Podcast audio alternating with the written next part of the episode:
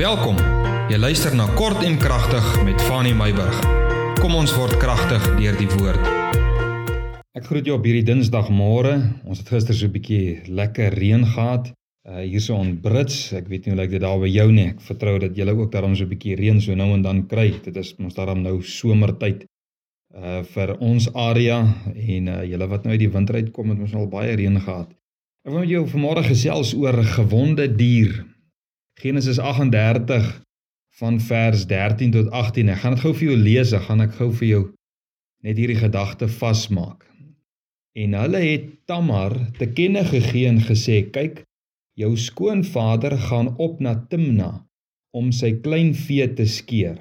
Toe trek sy die klere van haar weduweeskap uit en bedek haar met 'n sluier en draai haar toe. En sy het gaan sit by die ingang van Enaim wat op die pad na Timna lê. Want sy het gesien dat Sela groot geword het, maar sy was aan hom nie as vrou gegee nie. Toe Juda haar sien, het hy haar vir 'n hoer aangehou of as 'n hoer gehou omdat sy haar gesig toegebind het.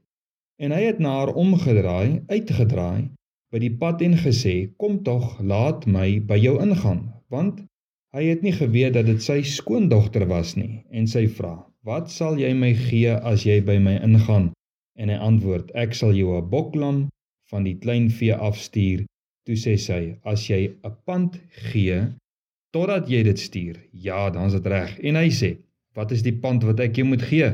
Toe antwoord sy: Gee my jou seelring met die bandjie en jou staf wat in jou hand is. Hy gee dit toe aan haar en gaan by haar in en sy het by hom swanger geword. Wil jou gou vraag vra? Eindelik eers iets sê. Iemand het eendag vir my gesê en ek dink almal het dit al gehoor. Ek gaan presies aan jou doen wat jy aan my gedoen het. Jy het dit seker ook al gehoor in jou eie lewe. Ek het dit nou al meer as een keer gehoor. As kinders hoor 'n mens dit eintlik baie meer as wat jy volwasse is. Uh teenoor jou of teenoor iemand anders is dit dalk dit vir jou gesê of jy het gehoor dat iemand dit vir iemand anders sê. Met ander woorde, ek gaan my wreek oor jou vir dit wat jy aan my gedoen het. Dit is die gedagte. Dit beteken die seer of verwerping of verlies of wat ook al jou aangedoen is, wil jy die ander persoon voorlaat betaal. Jy wil dit aan die ander persoon doen. Jy wil revenge neem. Maar jy wil graag die slag slaan. Jy wil die oordeel uitdra. Jy wil die revenge doen. Jy is soos 'n gewonde dier en dis waaroor ek vanmôre met jou gesels om 'n gewonde dier te wees. Jy wil die een wat jou gewond het, wil jy ook wond. Jy wil daardie een ook skade aandoen. Jy weet ek lees nou van Judas se seun wat Tamar getrou het, nê? En hoe die Here hom laat sterf het en Tamar as weduwee agtergelaat het. Gaan lees 'n bietjie Genesis 38. Juda het toe sy ander seun vir Tamar gegee. Maar die ander seun wou nie eintlik haar man wees nie en wou ook nie by haar 'n kind verwek nie en God het hom ook laat sterf. So Juda besef toe dat sy jongste seun is nog nie oud genoeg vir trou nie. En hy stuur toe Tamar, sy skoondogter terug na haar eie ouerhuis met die belofte dat as sy seun Juda se seun nou oud genoeg is, dan gaan hy nou sy jongste seun vir Tamar as man gee. Maar weet jy wat? Juda hou nie by sy woord van hierdie belofte nie. En op 'n dag toe loop Juda na sy skaapskeerders toe, daar seker maar iewers in die veld waar hulle besig is om die skape te skeer. En hy sien toe hierdie prostituut wat in die pad sit.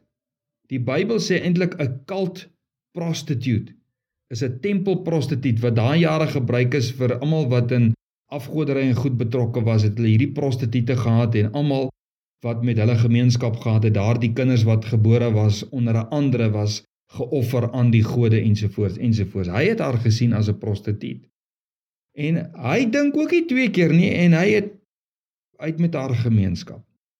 Maar sy vra vergoeding vir hierdie weldaad wat sy aan Juda gaan verrig. Juda beloof toe ek sal vir jou 'n bokkie stuur Maar sy sê nee, ek soek nou ek soek iets, jy weet wat ek kan hou totdat daardie bokkie gekom het en sy vat toe nou sy ring soos wat ons gelees het en sy vat sy staf. Min wetend het Juda met sy skoondogter gemeenskap gehad. En weet jy wat? Sy het dit intentioneel gedoen. Sy het hom om die bos gelei. En so het sy toe nou swanger geraak met Judas se kind en so haar revenge gekry vir die onreg wat teen haar gepleeg was. Die vraag is, het sy die reg gehad om Judas terug te kry? Dis die vraag. Vra dit vir my, dink 'n bietjie daaroor. Het jy 'n antwoord? Het sy die reg gehad om Judas terug te kry? Sekerlik het sy goeie rede gehad want haar skoonpa het haar nie regmatiglik gegee soos wat hy beloof het nie. Maar was dit reg geweest? Ons kan nou baie draaie loop om haar aksies te regverdig of te veroordeel. Maar vanmôre wil ek hê ons moet die roete kies wat die Bybel van ons verwag onder Nuwe Testamentiese voorskrifte. Heel eerste nê ons kan nou soos ek sê ons kan fokus op Tamar en Tamar het verkeerd gemaak en Tamar en Tamar. Kom ons kyk gou-gou. Heel eerste moet ons manne en vroue van ons woord wees kind van die Here? Ons moet manne en vroue van ons woord wees Jesus sê laat julle ja ja wees en laat julle nee nee wees wees manne en vroue van karakter manne en vroue van die woord deur nie volgens die goue reëls van die Bybel te handhaaf nie Hoor mooi wat ek sê. Deur nie volgens die goue reëls van die Bybel te handhaaf nie, maak ons baie mense seer in die proses en is ons menigmal die rede hoekom baie mense struikel in hulle geloofswandel met die Here. Die Bybel sê ons moenie struikel nie, maar wie die een wat die struikelblokke bring, wie die een deur wie ons struikel. Baie belangrik. So Juda staan nie onskuldig in hierdie wandaad van Tamar nie. Dis nommer 1. Nommer 2, in die tweede plek, wanneer onreg teen ons gepleeg word, moet ons ons harte bewaak. Soos wat Salomo sê, ons moet ons harte bewaak meer as alles wat bewaak moet word want daarin skuil en ontwikkel baie dinge van die lewe of dit nou reg en of dit verkeerd is. Tamar het nie haar hart bewaak toe daar onreg teen haar gepleeg was nie. Ons kry haar jammer.